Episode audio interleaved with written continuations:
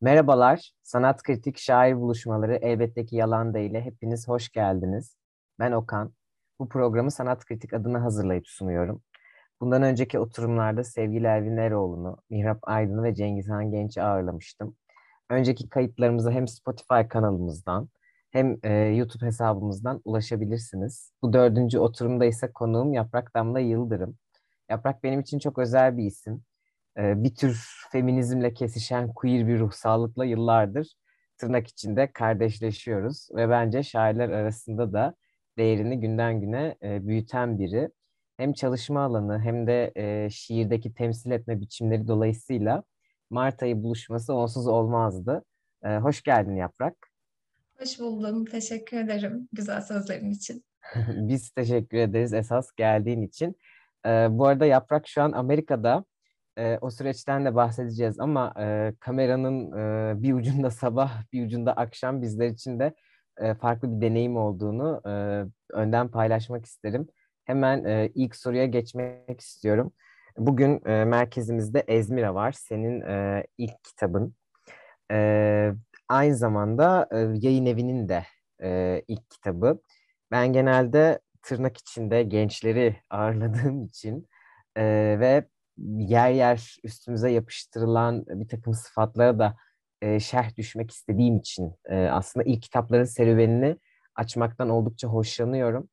E, bize e, Ezmira'nın çıkış noktasından ve e, hazırlık sürecinden bahseder misin? Tabii anlatayım. Aslında biraz zaman oldu İzmir'e yayınlanalı ama e, benim için yani çok önemli ve özel bir süreçti tabii. İlk kitap heyecanı bilirsin.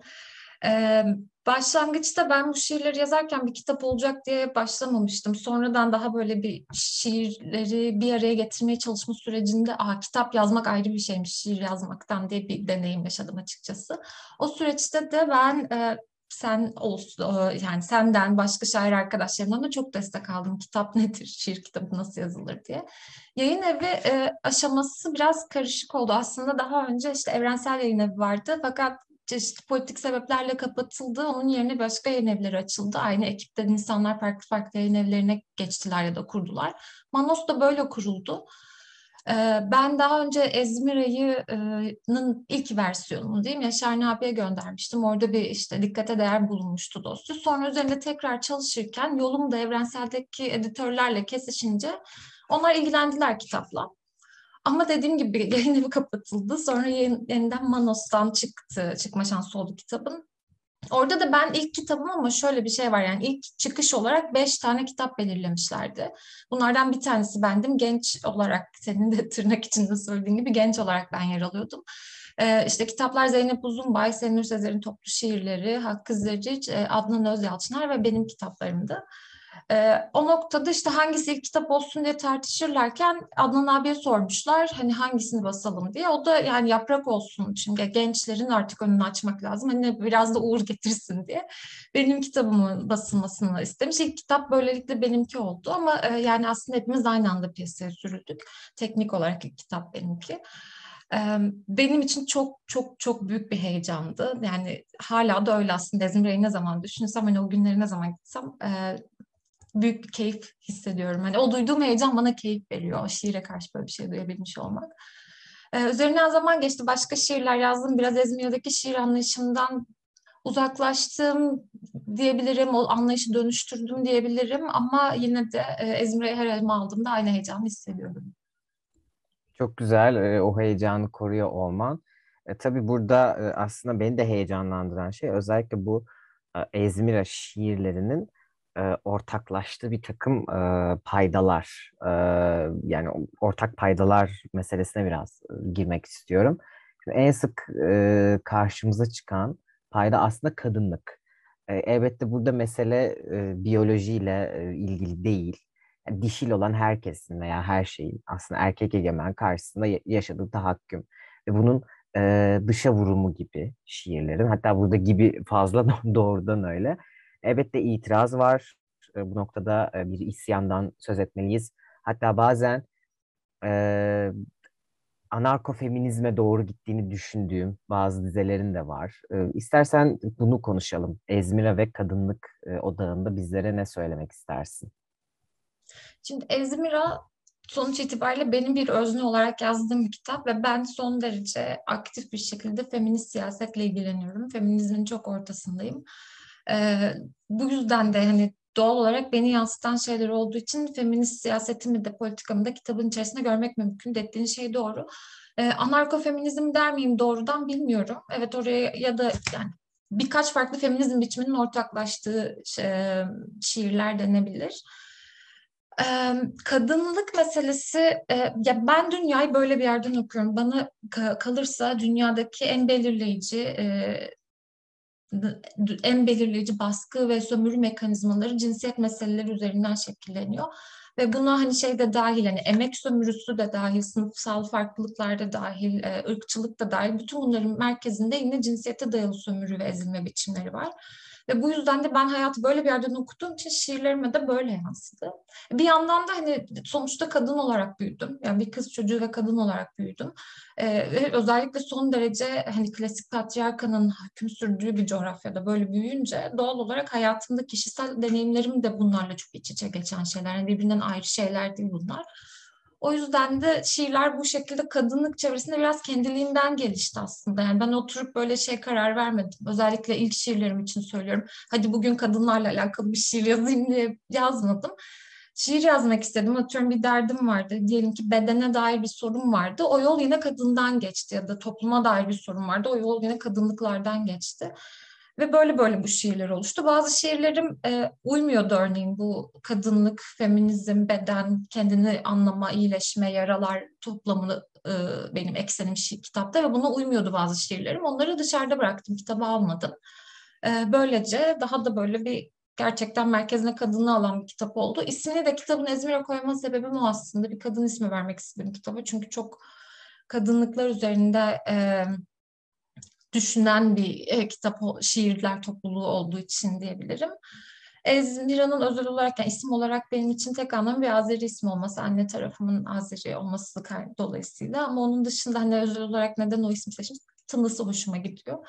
Ee, bir de kitaptaki Ezmira şiirini e, Ezgi ve Gizem'e e, ithaf ettim. Tek ithaf ettiğim şiir de o. Ee, Ezgi ve Gizem hani benim kuzenlerim aslında teyzemin kızları ama çok beraber büyüdük. Kız kardeşlerim e, düşündüğüm insanlar. Ee, beraber büyümemizin o anne tarafından gelen kültürün de ortaklaştırdığı o kız kardeşliğin e, de değer bulmasını istediğim için çok uygun bir başlık oldu kitaba da. Ee, böyle yani burada aslında bu kişisel şeyde paylaşma sebebim şu yine tekrar şeyi göstermek. Bütün bunlar hani toplumsal olarak, politik olarak beni baskı ve sömürü mekanizmalarıyla yüz yüze bırakan şeyler bir yandan da aynı zamanda bireysel seviyede kız kardeşliklerin kurulmasına ya da başka bir bireysel deneyimlere de çıkıyor.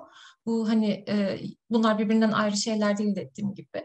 O yüzden kitap da böyle oldu. Hoşuma da gidiyor açıkçası böyle olması. Bazı eleştiriler almış olsam da ben memnunum halinden. E, elbette istersen o eleştirilerden de e, bahsedebilirsin ama öncesinde şöyle bir şey e, isteyeceğim ben senden. E, elbette ki yalan değilin bir geleneği konuk şairlerimizin aslında kendi şiirlerini okuması, izleyicilerimizin veya dinleyicilerimizin de en çok sevdiği bölümler bu bölümler oluyor. Metni üretenin sesinden dinlemek ve böylelikle başka bir açıklık alanına doğru gitmek de var tabii işin ucunda.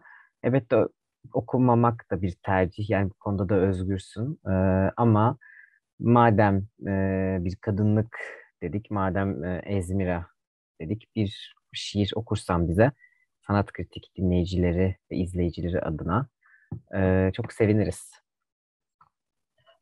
Ben önce ben okuyacağım tabii buraya davet ettiğin için, bu davete de icabet ettiğim için e, tabii ki okuyacağım şiiri ama e, sanat kritiğin izleyicileri ve dinleyicilerinden küçük bir özür dileyerek başlayayım. Ben gerçekten çok beceriksizim şiir okuma konusunda. E, her türlü e, sıkıntı benden kaynaklı şiirin kendisinden değil benim beceriksiz oluşumdan oku, bir okuyucu olarak beceriksiz oluşumdan kaynaklı onu söyleyeyim. E, ama madem öyle okuyayım. Benim burada en sevdiğim şiirlerden bir tanesi Zan.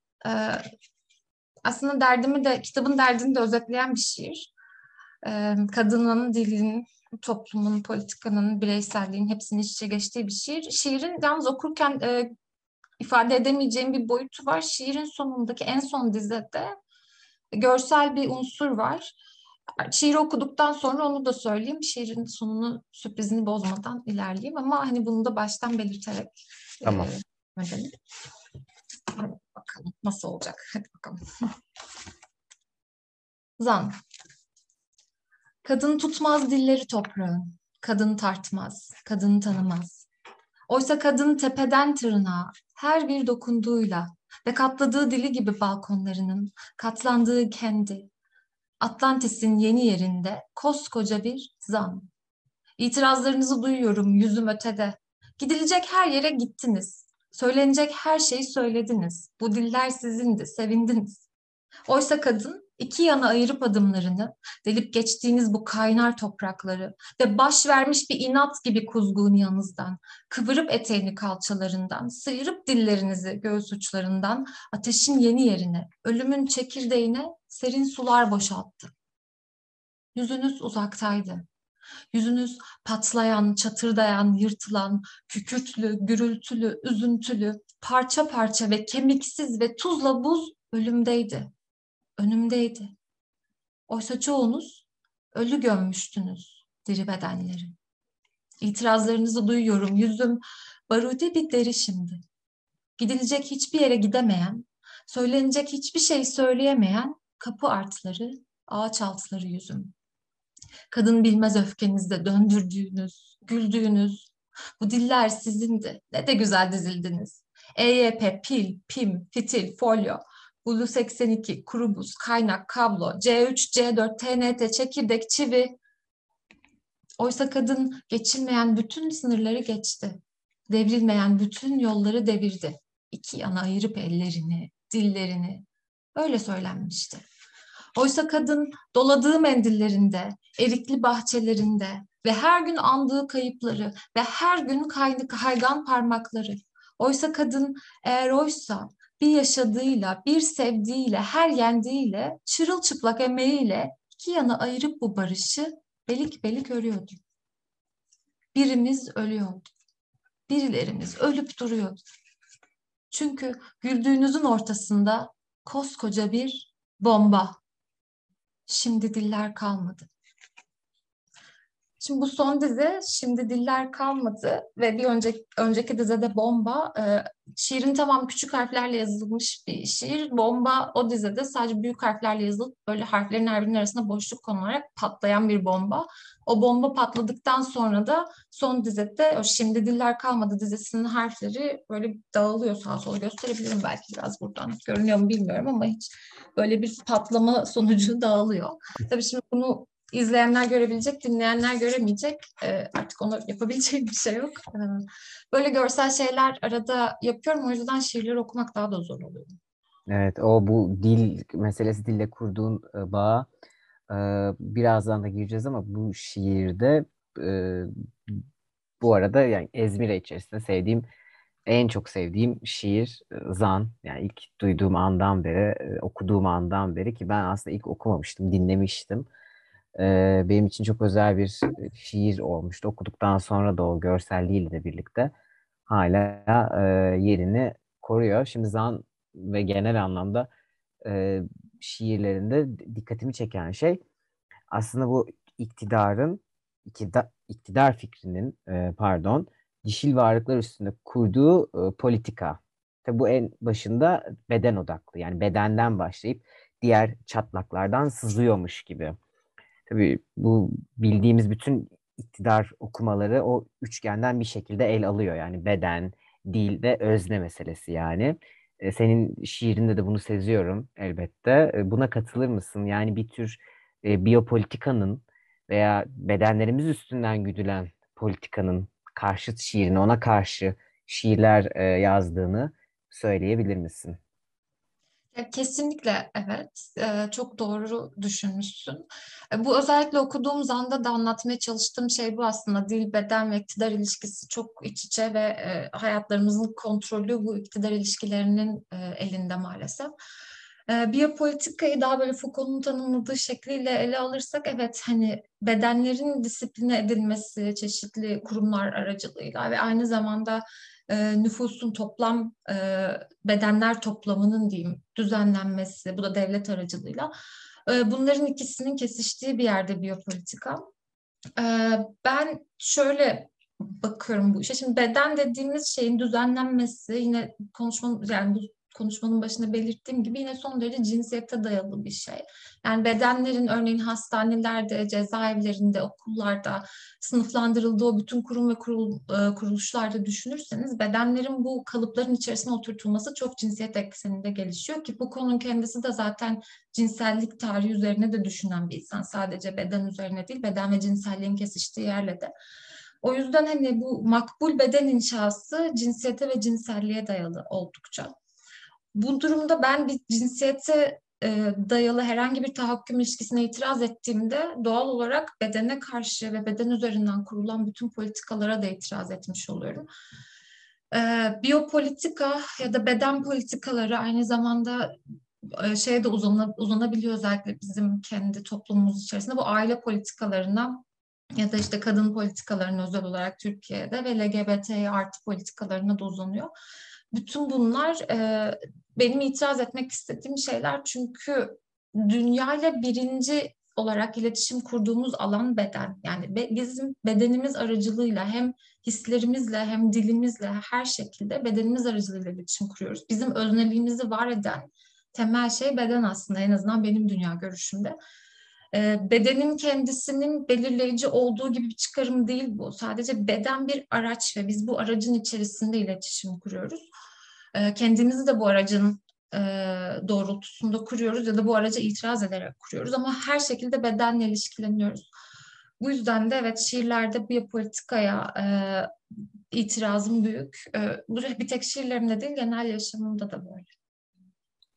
Tabii bu e, tavrın aslında şiir e, diliyle birlikte e, tabii dinlerken işte bir şiir dilinden bahsediyoruz, içerikten bahsediyoruz ama az önce senin de gösterdiğin biçim meselesi de var. Yani bu e, itirazların, isyanın ve benim tırnak içinde anarkolaştığım diye şerh düştüğüm e, nokta e, biçimle de ilgili biraz. işte patlayan harfler, e, kayan görüntüler, bölünen sayfalar, e, aslında çok e, tanıdık olmadığımız ya belki bu ifadeye bir şerh düşebilirim. Tanıdık olmadığımız değil de biraz daha cesaret isteyen e, bir şiir tarzı demem daha doğru olabilir. Çünkü aslında tanıyoruz bunu.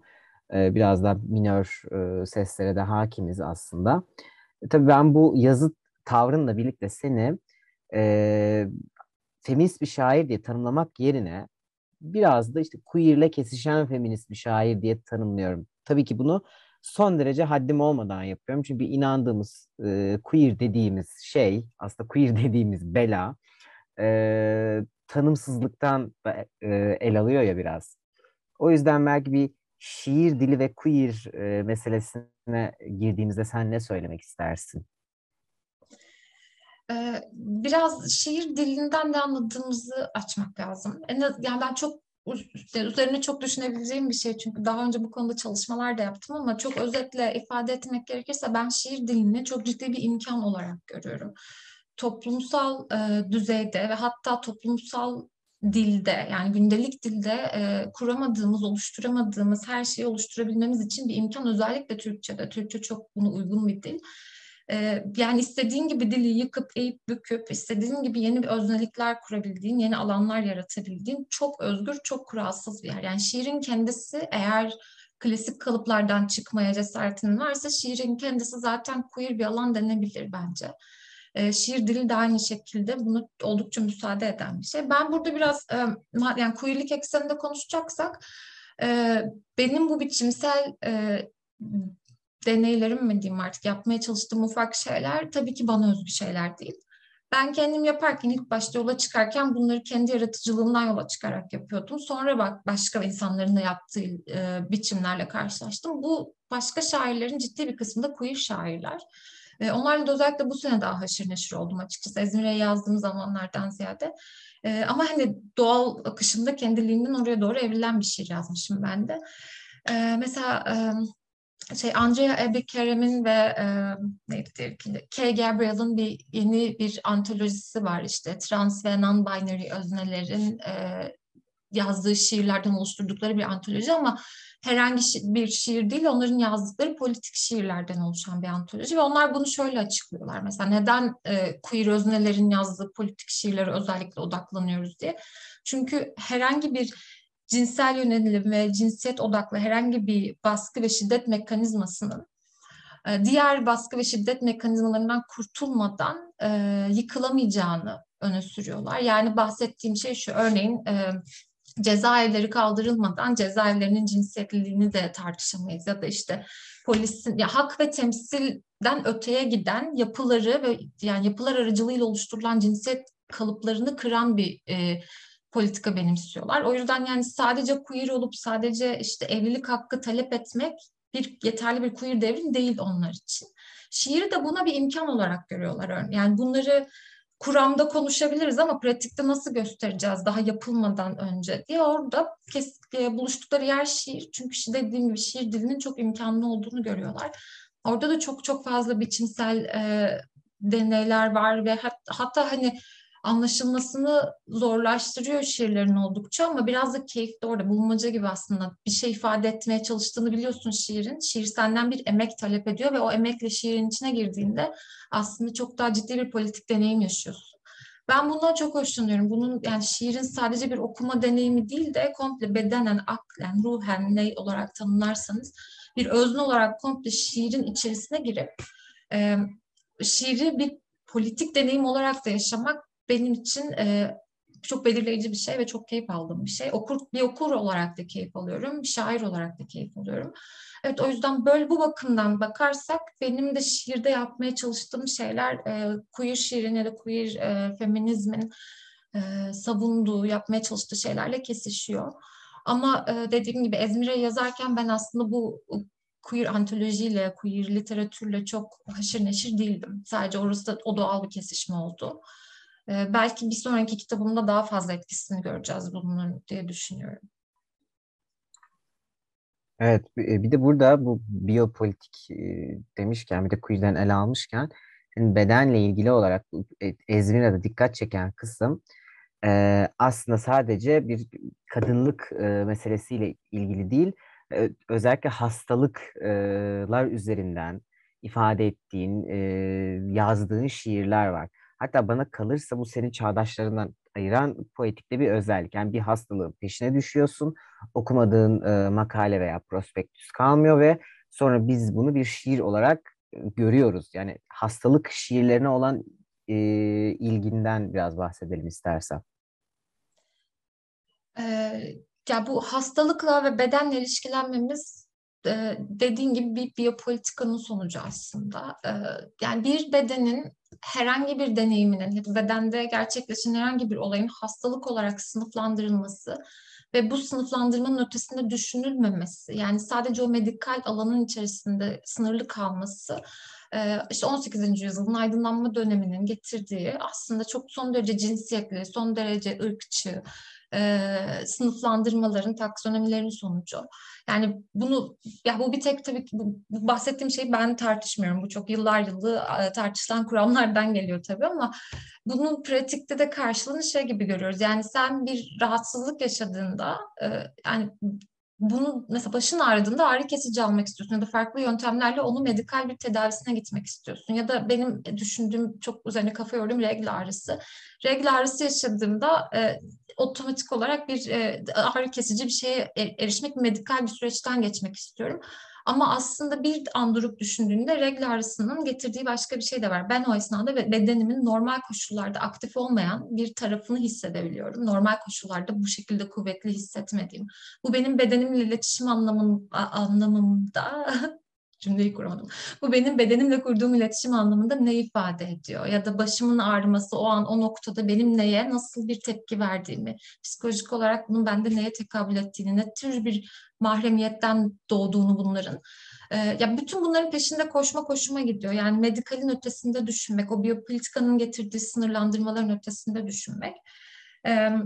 O yüzden hani bir özel olarak doğrudan böyle hasta beden anormal bedendir diye sınıflandırıp bir kenara atmadan ya da o anormalliği düzeltmeye çalışmadan bir de bu anormallik mahrem olan seviyede işte o yakınlık diyeyim nasıl ifade edeceğimi de bilemediğim o kendinizle kurduğunuz o ilişki seviyesinde ne ifade eder?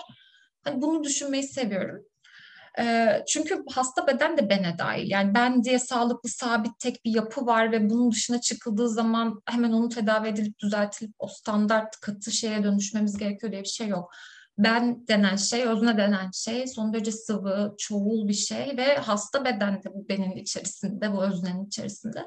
O yüzden onu sanki böyle ötekiymiş işte tüpis kaka hemen düzeltilmesi gerekiyormuş gibi sınıflandırmadan önce bir de durup düşünmek bu bana, bana dair ne ifade ediyor, benim neresinde duruyor buna bakmak gerekiyor diye yola çıktım.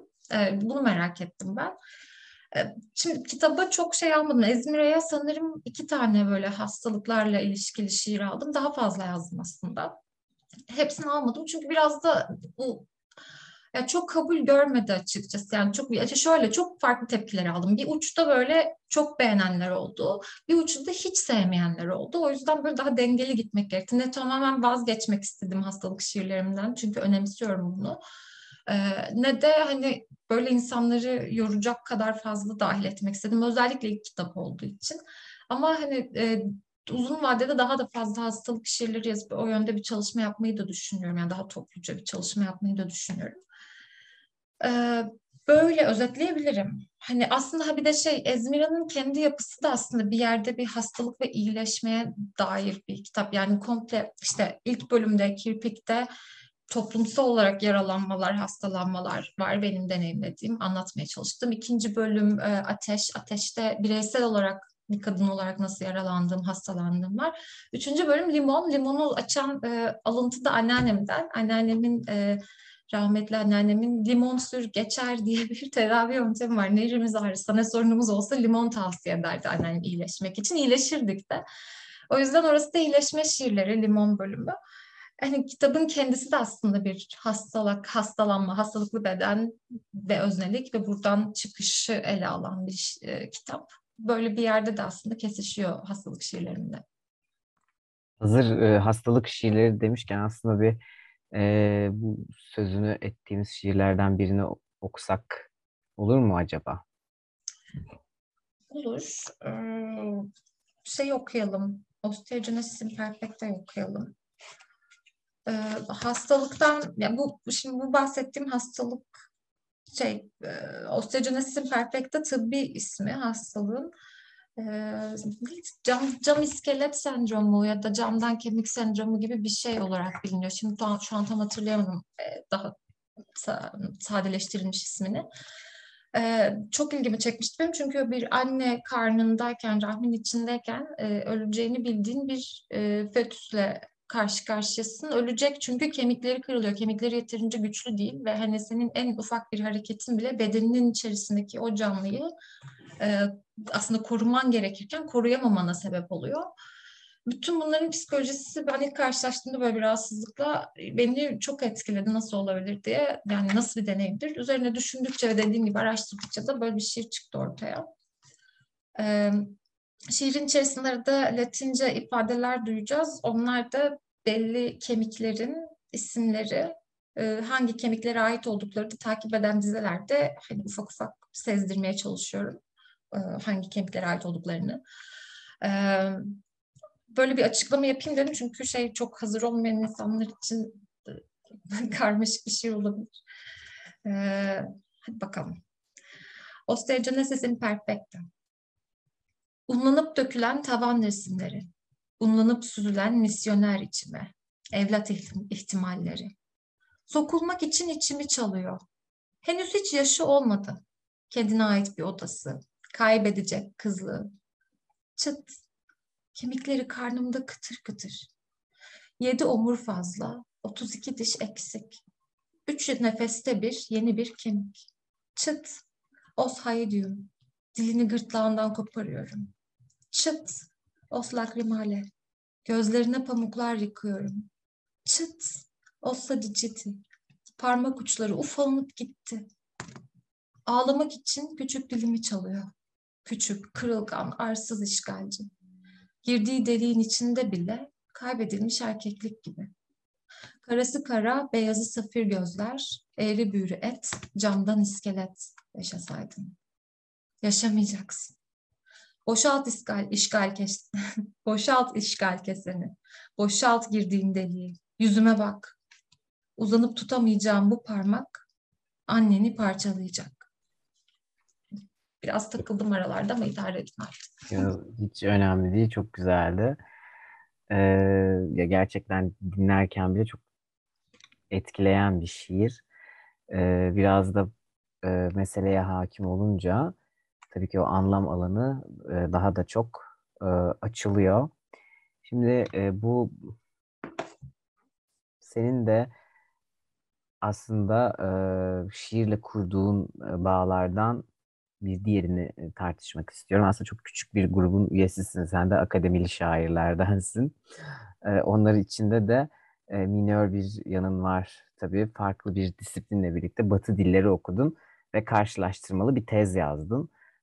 Senur Sezer'in şiiriyle Adrian Rich'i karşılaştırdın. Bize senin e, bu alandaki deneyimini e, aktarır mısın? E, bu birinci sorum. Ve e, öncelikle akademili bir şair olmak e, meselesini konuşalım istiyorum. Birisinin o işte en klasik soru vardır ya avantajlar, dezavantajlar. E, ve bunun ardından da tezini konuşalım biraz. Tabii. E, akademili şairden başlayayım. Ya ben e, üniversiteye başladığımda edebiyat bölümünden başlamadım. Sonradan İngiliz Dili ve Edebiyatı bölümüyle çift anadal yaptım. Sonra işte kültürel, e, kültür ve eleştiri çalışmaları bölümünde yüksek lisans derken edebiyat doktorasına girdim. İki yıl da orada kalıp e, Kaliforniya'daydım o aşamada. Daha sonra o programdan ayrılıp başka bir üniversite ve başka bölümlere geçtim. Şimdi Yale Üniversitesi'ndeyim. E, kadın cinsiyet ve toplum, e, kadın toplumsal cinsiyet ve cinsellik araştırmaları ve Amerikan çalışmaları bölümlerinde doktora yapıyorum. Ee, bunu böyle geniş vermemin sebebi çok interdisipliner bir e, arka planımın olması akademide. Ama bütün bunların ortaklaştığı nokta benim için yine feminizm olmuştu. Ee, burada şeyi yani bu bölüm değişikliğimi aslında ifade ifade et, daha böyle açıkça ifade etmek istiyorum. Neden bölüm değiştirdim ve bu akademili şair olmamla nasıl ilişkili? Ben bir yerden sonra edebiyatla alakalı bir şey yaparken akademide, bu araştırmalarım olsun, yazdıklarım, ürettiklerim olsun ya da okuduklarım olsun, bir yerden sonra kendi şiirlerimde çok özgür olamadığımı fark ettim. Yani şiire bu kadar odaklanmak, teknik her şeyle, ıdısıyla, dıdısıyla 7-24 sürekli şiir hakkında okuyup yazmak, şiir, kendi şiir yazmak potansiyelimi azalttı. Ee, ilk başta çok besleyiciydi. Çok fazla şey öğrendim. Öğrendiğim her şeyden de çok mutluyum, çok memnunum. Ama e, sonrasında bu hani öğrendiklerim artık beni daraltmaya başlayınca e, çalışma alanımı önce değiştirdim. Daha sonra çalışma alanım artık edebiyatın içerisinde olmayınca çünkü kadın cinayetlerine yöneldim. Artık edebiyat bölümünde yer alamayacağım için başka bölümlere, başka üniversitelere geçmem gerekti. Böyle sürdü benim akademik serüvenim ve hani lisansta ve yüksek lisansta Türkiye'de Boğaz içindeyken e, şiirin, e, çağdaş feminist şiirin yarattığı imkanlar beni çok büyülemişti. Yani yeni yeni tanıştığım zamanlarda özellikle lisans yıllarım. Önce Görlesk şiirle başladım. E, onun oradaki alaycılık, politik duruş, yenilikler, yıkımlar, yeniden kurmalar, öznenin o çılgın hali diyeceğim artık çılgından başka bir kelime bulamadığım için çok keyifli şiirlerdi ve o beni çok büyülemişti ve bunu anlamaya çalışarak başladım. Yüksek lisansta bu artık daha sonra bu senin bahsettiğin tezime dönüştü. Adrian Rich ve Senur Sezer Görlesk şairler değiller elbette ama bu şiirde politik olarak e, yaratılan imkanlar, feminizm üzerinden, e, siyaset üzerinden kadın şairlerin yarattığı ya da şair kadınların yarattığı artık ikisi de sanırım doğru terim olarak kabul ediliyor bu noktada e, yani bu imkanları ben anlamaya çalıştım. E, aslında ya biraz derdim Senur Sezer ve Adrian Rich'i karşılaştırmaktan ziyade daha genel bir yere varmak. Yani bizim e, özellikle Türkçe'de ve Türkiye'de e, şiir eleştirisini feminist bir pencereden bakarak yaptığımız durumlarda yine aslında çok patriarkal alanlara sıkıştığımızı düşünüyorum. E, ve nasıl bir feminist eleştiri geliştirebiliriz? bir şiirin feminist yorumlaması e, aslında ne demektir gerçekte? Biz neleri kırmalıyız? Bunu da sorgulamaya çalıştım. Bu arada kusura bakma biraz takılıyorum bunu anlatırken çünkü İngiliz dili ve edebiyatı vesaire böyle bölümlerden olunca üniversitemde gereği bütün bunları İngilizce okuyup yazdım ve o yüzden e, şey hiç böyle Türkçe anlatma gereği de duymamıştım şu ana kadar o yüzden bir böyle arada takılıyorum. Burada şey o ya o noktada da feminist eleştirel söylem analizi diye işte var olan bir yöntem var. Bu yöntemin kendisinin şiire uygulanabileceği hep teoride söylenmiş bir şey ama pratikte yapılmamıştı ve ben bunu bir denemek istedim. Ne yap ne çıkar buradan diye. Hani şiirin kendisi de bir kültürel ögedir ve bir kültürel metin olarak okunabilir. Bu okuma bize ne verir görmeye çalıştım ama bu, burada zorlayıcı şeyler var. Çünkü şiir herhangi bir metin değil ya da şiir e, ne bileyim bir kilim gibi bir kültürel öge değil. Şiirin kendisinin çok katmanlı, e, yani dilin kendisi, imgesi, sesi, ritmi, kültürel çağrışımlarıyla çok katmanlı bir şey. O yüzden e, zor bir süreçti. Ama ortaya çıkan şey de çok ilgi çekiciydi. Çünkü hem Senur Sezer hem Adrian Rich e, politik şiirler yazan insanlar. Politik şiirler yazan kadınlar. Senur Sezer kendini feminist olarak tanımlamıyor ama şiirlerinde e, bugünkü anlayışımızla feminist denilecek e, son yani çok fazla e, politika var ve politikanın izleri var. E, Edrinç de lezbiyen bir feminist, e, aynı zamanda akademisyen. Böyle aslında ikisi dünyanın iki ayrı ucunda birbirinden farklı siyasetlerin içerisinde konumlanmış. Biri akademide, biri daha böyle alaylı olan iki entelektüel, şair kadın. İkisi de aynı sene bir kitap çıkartıyor. Senin Üstezer'inki afiş, e, Edrin Rich'inki de Zor Dünyanın Atlası diye çevrilir herhalde. E, bu kitaplarda ikisi de çok benzer temalar işlemiş. Benim bu feminist e, eleştirel söylem analizim bunu sebep, bunu görmeme sebep oldu. Yani bu iki kitabı yan yana bu yöntemle okuduğum zaman ortaya çıktı ki ikisi de böyle e, bedensel öznelikleri bir e, kenarda işte top ay cümle kuramadım yine. Bedensel öznelikleri aslında şey corporeal subject to çevirmeye çalışıyorum. Bedensel öznelikleri e, ele almışlar bir odakta. Diğer odakta da e, bir komünitenin, bir topluluğun içerisinde yer alma deneyimini ele almışlar ve bu iki deneyimi, bu iki e, var olma biçimini e, mevcut güç ilişkilerini alaşağı, ters yüz etmek, alaşağı etmek için kullanmaya çalışmışlar. Bu güç ilişkilerinin bir kısmı e, formatif güç ilişkileri, diğer diğeri de sosyal güç ilişkileri diye sınıflandırdığım ilişkiler oldu benim. Formatif güç ilişkilerinde şeye itiraz ediyorlar. Ee, yani beden ve akıl ayrımına itiraz ediyorlar aslında. Ben de buna çok itiraz ediyorum. Beden ve akıl diye iki ayrı şey yok ve bu çok feminist e, şairin de itiraz ettiği bir şey. Bir bütün olarak özne var ve beden akıl ayrımı aslında patriarkal e, epistemolojinin getirdiği özellikle Descartes'ten sonra yerleşmiş bir düşünce biçimi felsefede. Biz bunu feminist ve queer alanlarda çok kırmaya çalışıyoruz zaten. Beden ayrıdır, akıl ayrıdır diye bir şey yok. Bir özne vardır. Bu özne kendini çeşitli biçimlerde ifade eder. Durumdan duruma göre farklı özneliklere bürünebilir diye. Onların da böyle itirazları var bu ayrıma. Farklı kanallardan da olsa.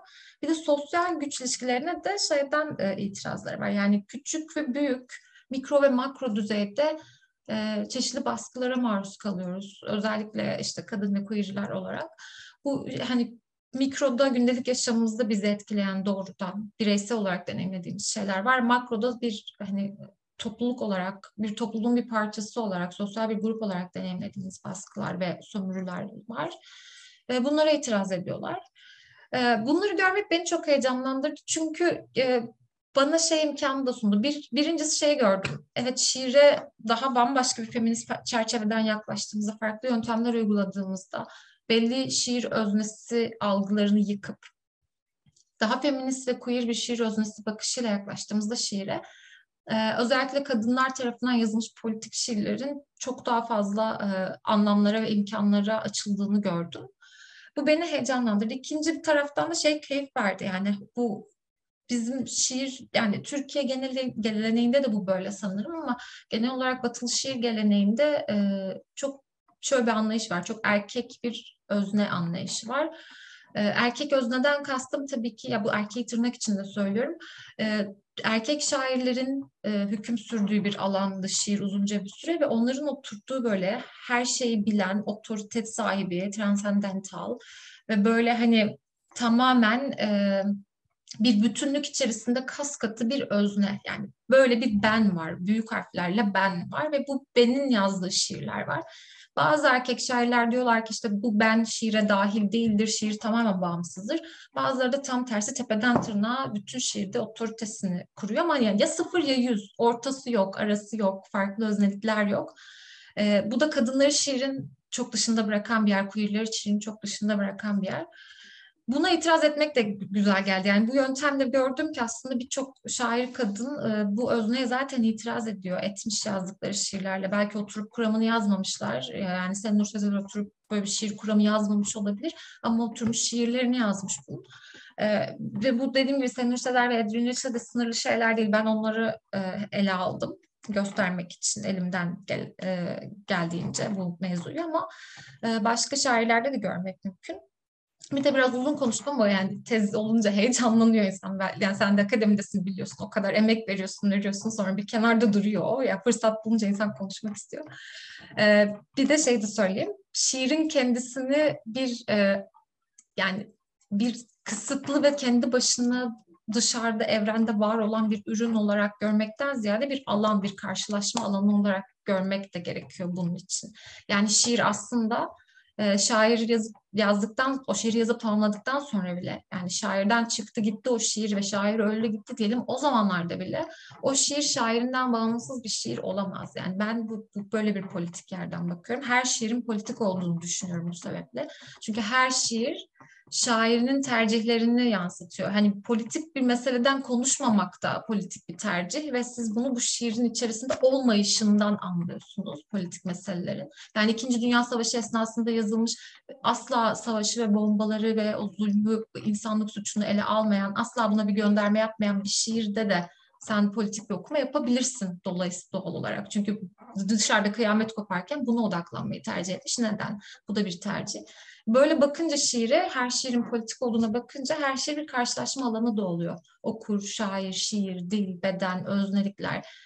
Her karşılaşmada, her okumada farklı bir deneyim yaşamamızın sebebi de bu. Orası bir alan ve her zamanına, mekanına, o gün kim olduğuna, ertesi gün kim olduğuna göre değişen bir deneyim haline geliyor şiir okumak. Şairi de her gün yeni bir gözle görüyorsun o yüzden her okuduğunda. Çünkü değişiyor. E, bulunduğun yerdeki özneliğin de değişiyor. Seninki de değişiyor. Şair anlayışın da değişiyor. Şiirin kendisi de değişiyor. Yani biraz bu burada anlatmaya çalıştığım şey şu yani bu queerleştirme, feministleştirme e, analizi queerleştirme ve fem, feministleştirmeden kastettiğim şey tam olarak bu. Yani şiiri katı ve sabit ve tek bir anlamı olan, asla değişmeyen, şairinden bağımsız bir ürün ve tek başına böyle sallanan, havada duran bir ürün olarak ele aldığımızda çok kısıtlamış oluyoruz. Yani bu, bu e, şiire çok büyük haksızlık oluyor. E, buna en uygun şiirlerde böyle incelemeye en uygun şiirlerde bence yine kadınların queerlerin şiirleri. Teşekkürler. Çok güzel şeyler söyledin. Sen e, konuşurken de benim e, sevgili Didem Ardal'dan aldığım feminist teori derslerine gitti aklım. Biz de hep şunu söylerdik. Söylenenler kadar söylenmeyenler de önemli. Yani yazılanlar kadar yazılmayanlar da. Biraz daha o yüzeyi kazımak ve e, alttaki e, cevheri de görebilmek adına bu e, gizli saklı meseleler daha doğrusu ifade edileme edilmemiş e, cümlelerde bile aslında yatan e, milyonlarca şey var. Bu kazıma biçimini ben çok e, doğru buluyorum. E, tabii de hem doğru hem de bir o kadar önemli bulduğum şey senin bu tezi e, yazman kadar e, buradaki aslında e, tavrın yani Türkiye Akademisi'nde de pek tanınmayan, daha doğrusu tanınmayan demeyeyim de minor kalan e, şairleri e, dile getiriyor olman, onların isimlerini zikrediyor olman bu anlamda bir görünürlük e, kazandırıyorsun. Bu çok önemli. Ve bununla birlikte e, bir de onları karşılaştırıyorsun. Yani bu çok ayrı bir e, deneyim. O, o yüzden ben bu e, tavrı, bu yazma biçimini son derece e, önemli buluyorum. Tabii bu ek yapabilir akademik... Efendim? Minik bir araya girebilir miyim? Orada bir ek yapacağım. Tabii ee, tabii. Ben tezi yazmaya başladığımda ya da tezi, tez konunu belirlediğimde e, Senur Sezer hakkında akademik çalışma hiç bulamadım. E, Adrian Rich öyle değil. Yani Türkiye'de akademisyenler Türkçe edebiyat bağlamında yazmamış olabilirler ama İngilizce biraz daha ilgi görüyor Senur Sezer'e göre. Ama o da böyle çok yine sadece 3-5 kişinin arasında kalan bir konu. Ama Senur Sezer hiç yoktu. Bu da benim için çok büyük bir e, ya ben şaşırdım açıkçası. Bir sürü şaire dair yazılmış bir sürü tez var. Senur Sezer neden yok? Niye kimse bir şey yazmamış? E, o yüzden ara, hani tezin o kısmını yazmak benim için e, daha da zor oldu. Çünkü kaynaklara erişimim çok kısıtlıydı. Yani benden öncesi yok bir şey çıkartmam lazım ortaya ama yok bir şey. O da zordu yani ve umarım daha çok böyle e, ilgi görmeyen ama ilgi görmesi gereken e, şairlere özellikle kadınlara ve queerlere çok daha fazla ilgi olur akademide bundan sonra. Tabii bir de senin bu iki ismi ortaklaştırma biçimin de aslında benim e, ilk e, saydığım, e, ilk diye nitelendirdiğim e, yerle ilgili bu anlamda önemli bir işe imza attığını düşünüyorum. Biz hep karda iz açmak e, derdik. Yani e, arkadan e, gelen e, takip etsin, daha da üstüne bir şey söylesin. Bu tabii bizler için çok önemli. E, hem e, bu geldiğin e, noktayla birlikte de e, düşününce aslında e, hayatına son zamanlarda e, yeni bir mesele daha eklendi. Gerçi son zamanlar diyorum ama epey de uz- uzun bir zaman oldu. Göçmenlik meselesi. Elbette ilk kez göç etmedin. E, ama e, okyanuslar aştın. E, şu an Amerika'dasın. Yale Üniversitesi'nde hem ders veriyorsun hem e, öğreniyorsun. E, göçmen bir özne olmak meselesini tartışmak istiyorum seninle. Yani bu durum şiirleri nasıl etkiledi? Biraz da bunu e, merak ediyorum açıkçası. Um, göçmenlik, okey. Uh, Şimdi bir şeyi düzelterek başlayayım. Yale'deyim şu an ama ders vermeye birkaç ay sonra başlayacağım. İlk şu an yine ders alma dönemimdeyim. O şey daha önce Kaliforniya'dayken dersler veriyordum. Şimdi tekrar buraya geçince bir ara verdik, tekrar başlanacak vesaire. Ama evet, bütün bunlar, yani bu taşınma süreçleri, bir de bir kere değil iki kere taşındım Amerika'ya. Yani önce bir Kaliforniya taşındım sonra geri döndüm. Çok kalmadan yani bir, bir ay iki ay sonra bile olsa Amerika'nın bu defa bambaşka bir ucuna taşındım. Ee, yaşadığım kültür şokunu e, hiç beklemiyordum ben ilk taşındığımda. Çünkü şey gibi geliyordu ya Amerika'ya aşinayız işte diziler, filmler, bütün şarkılar, kültür her yerde zaten kültürel emperyalizm sağ olsun. Hani ya da Boğaziçi Üniversitesi son derece Amerikan modeli e, örnek alınarak inşa edilmiş. Zaten Amerikalılar tarafından inşa edilmiş bir üniversite. Hani birçok öğret birçok hocam da hani Amerika'dan da ya da Amerika'da eğitim görmüştü. O yüzden ben ben hemen rahat rahat alışacağım diye düşündüm. Hiç öyle olmadı. Ee, çok zorlu bir şeydi açıkçası. Bunu yani akademiyle, yurt dışı ile ilgilenen insanlar varsa diye çok doğrudan dürüstçe söylemek istiyorum. Çok zordu alışmak ve o süreci geçirmek. En tanıdık yerde bile. E, gittiğim yerde ilk başta San Diego'daydım Kaliforniya'da. Orada arkadaşlarım olmasına rağmen e, zor bir süreçti.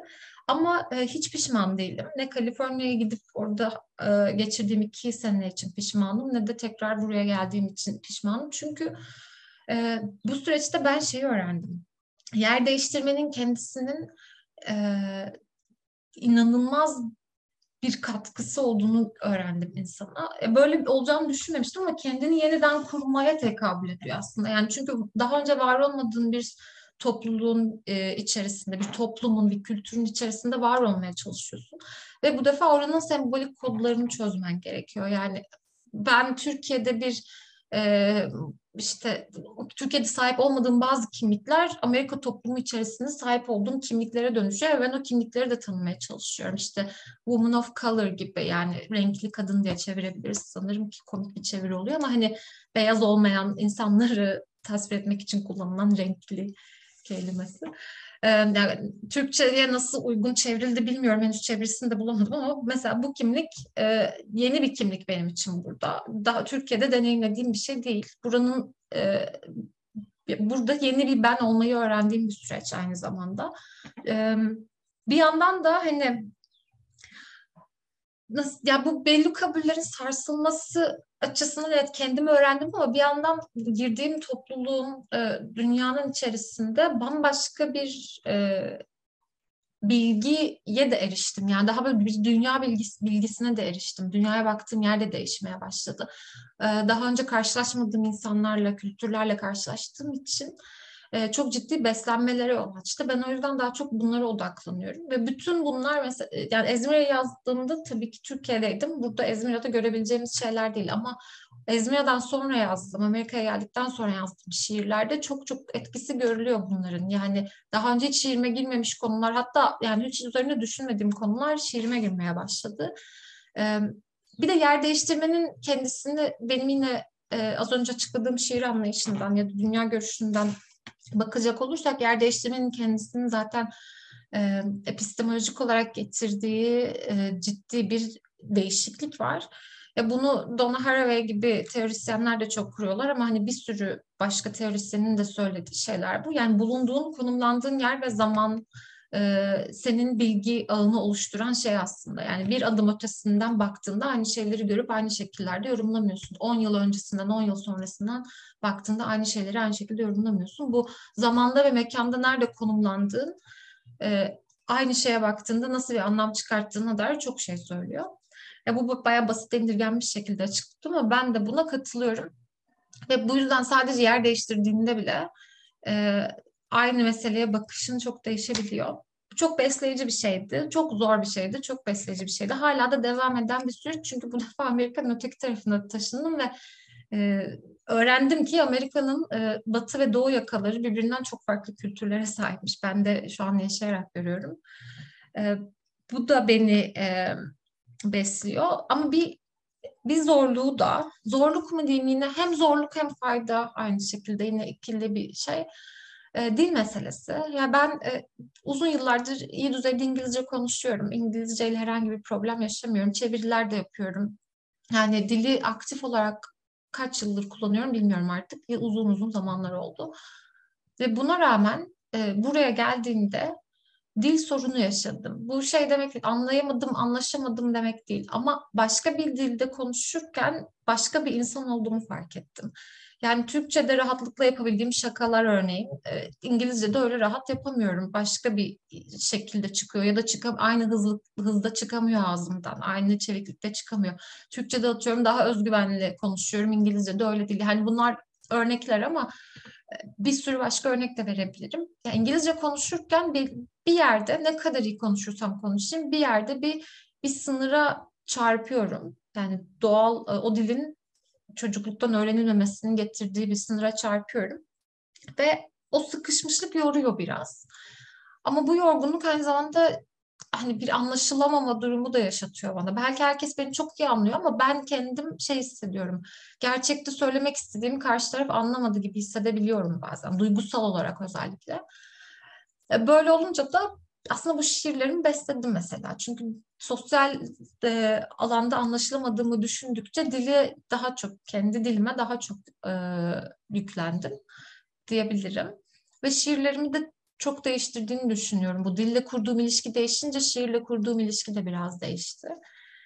Ee, ama yani dediğim gibi hem bedenimi yeniden öğrendim, kendimi yeniden öğrendim, dünyayı yeniden öğrendim. Hem de akademik olarak geldiğim için yani entelektüel bir beslenme de yaşadığımdan ötürü farklı bir entelektüel grubun içerisinde yer aldığım için hatta farklı birkaç entelektüel grubun bu noktada akademik sebeplerden ötürü hani entelektüel olarak da çok besleyici oldu. Ee, çok ciddi bir e, yeniden öğrenme süreci yaşadım, yaşıyorum. Çok da memnunum bundan açıkçası e, zorluklarına rağmen. Yani ama dediğim gibi zor. Bu dil meselesi demişken e, arada bir kelimeyle bahsettin. Aslında benim sormak istediğim sorulardan da biriydi. Çok da güzel bir e, konuşma oldu. E, açıkçası o son soruyla da bitirelim. E, tam bu en güzel noktada. E, şimdi bu çeviri meselesi.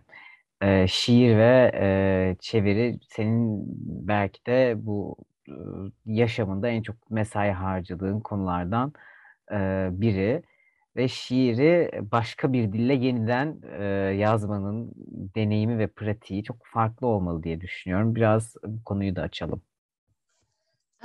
Şiir çevirisine ben dediğim gibi çok kafa yordum, çok mesai harcadım. Önce kendim bunu bir aslında bir hevesle bir başlamıştım. Nasıl olur yapabilir miyim? Madem işte İngiliz dili ve edebiyatı okuyorum. Hani bu alanda da şiir çalışıyorum. Belki biraz elimden gelir diye başladım. Başlangıçtaki çevirilerimin çok iyi olduğunu düşünmüyorum. Ee, ama hani çalışa çalışa bir yerlere gelmeye başladım ya da nasıl diyeyim belki de daha iyi hale geldi her işte olduğu gibi biraz daha pratik yapınca.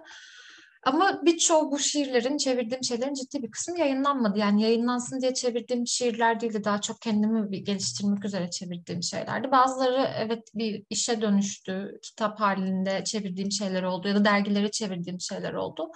Ama e, işin daha büyük kısmı yani o okurun görebildiği kısmının ardında çok daha büyük bir kısım var. O daha çok evde, bilgisayarda, kitapta, defterde kalan kısım. E, bir de eğitim aşaması var. Yani bir yerden sonra bunu ben e, teorik olarak da beslemek istedim. Türkiye'de master'dayken e, Boğaziçi'nde e, bir şiir çevirisi dersi vardı. O dersi aldım. Burada da Amerika'da Kaliforniya'dayken e, şiir te- çeviri teorisyeni bir hoca var, hocamız vardı. Onunla bir ders aldım. Hem onun verdiği çeviri dersini aldım hem de birebir onunla bir ders daha aldım. Özellikle çeviri üzerine kafa yorduğumuz. Bunlar da beni çok besledi. Ee, daha hala da uğraşıyorum çeviriyle. Şu an aktif olarak başka bir projenin de parçasıyım yine. Ama şimdi şiir çevirisi diğer çevirilerden biraz farklı. Ee, çünkü şimdi yani ben şöyle görüyorum. Şimdi hikaye, roman, deneme gibi türlerde e, çevirmenin görevi şu gibi. Sanki böyle iki dil arasında bunu daha önce böyle anlatmıştım başka bir yerde. Sanki böyle iki dil arasında bir tünel açmak ve hani şiiri o, o tünelden göndermek gibi bir şey, pardon eseri o tünelden göndermek gibi bir şey. Ama esas görev o tüneli açmak gibi. Ama bana göre şiirde bu böyle yetmiyor. O tüneli aç, açtığınla kalamıyorsun. Tüneli açtıktan sonra o şiiri parçalarını ayırıp tek tek o parçaları karşıya da taşıman gerekiyor. Şiir kendisi akıp gidemiyor. Çünkü şiirin dilinin ve imkanlarının oluşturduğu o ağ basit değil, çok daha kompleks. Tabii ki yani bu çok basit indirgenmiş bir e, şekilde anlatıyorum. Elbette öyküsüne göre, eserine göre değişir bunlar ama daha genelleştirerek konuşuyorum. Ya böyle olunca şiiri bir dilde bozup diğerinde kurmak gerekiyor yani dediğim gibi ve bu da aslında bir yeniden üretim değil de yeniden yaratım süreci ve çok ciddi bir mesai gerektiriyor o yaratım aşaması. Ne, çünkü neyi çeviriyorsun? Yani mesela burada türler arası farkları belirleyen şeylerden biri çevirdiğin şeyin katmanları. Yani şiir çevirirken neyi çeviriyorsun? Mesela evet bir anlamda kelimeleri olduğu gibi kendi anlamlarıyla algılayıp çevirmeye çalışıyorsun kelimeleri, cümleleri. İkinci anlam seviyede imgeleri anlamaya çalışıyorsun. İmgelerin oluşturduğu görselliği anlamaya çalışıyorsun. Bunu çevirmeye çalışıyorsun. Sonra ses ve ritmi çevirmeye çalışıyorsun. Bunlara sadık kalmak. Şairin politik tercihlerine, bir dili nasıl kullandığının e, oluşturduğu siyasete ve felsefeye sadık kalmaya çalışıyorsun.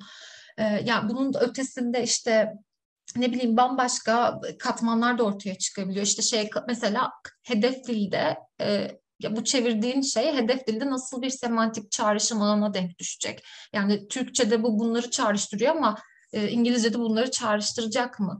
Bütün bunları hesaplaman gerekiyor çünkü şiirde çağrışım da önemli bir rol oynuyor.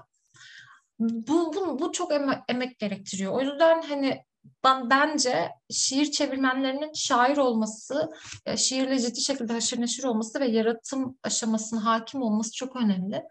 Çünkü en azından e, yani dediğim gibi yeniden üretimi birçok insan yapabilir. Dili bilen ve çeviri nasıl yapılır bilen birçok insan yeniden üretim yapabilir. Ama yeniden yaratım istiyorsak, gerçekten bir şiir çevirisi istiyorsak şair çevirmenlere ihtiyacımız olduğunu düşünüyorum.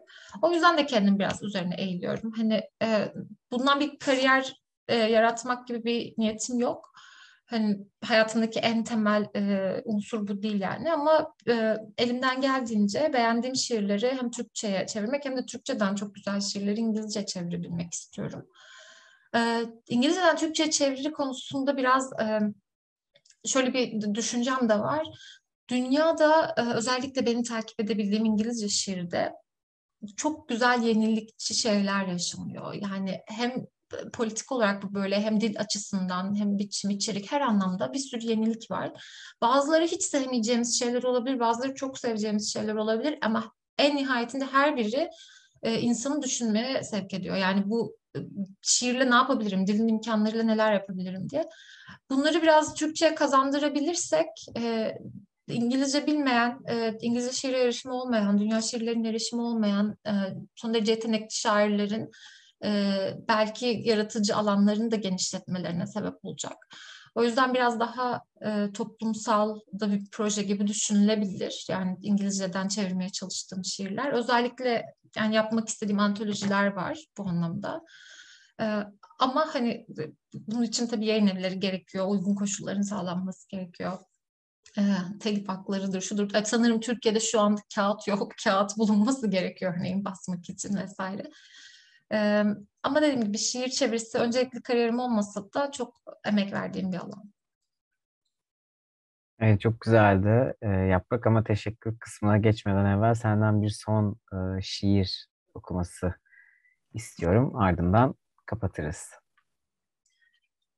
Hmm, şiir seçelim. E, Geyser'i okuyayım. E, yine böyle bir kadınlık şiiriyle e, kapatayım. E, Geyser'i okuyup kapatmadan önce bu aklıma geldi şimdi Geyser'i Geyser'i açınca. Bu biyopolitikadan bahsediyoruz, bedenden vesaire. Aslında Geyser başta olmak üzere birçok şiirimde de böyle benim ölüm de çok fazla geçiyor.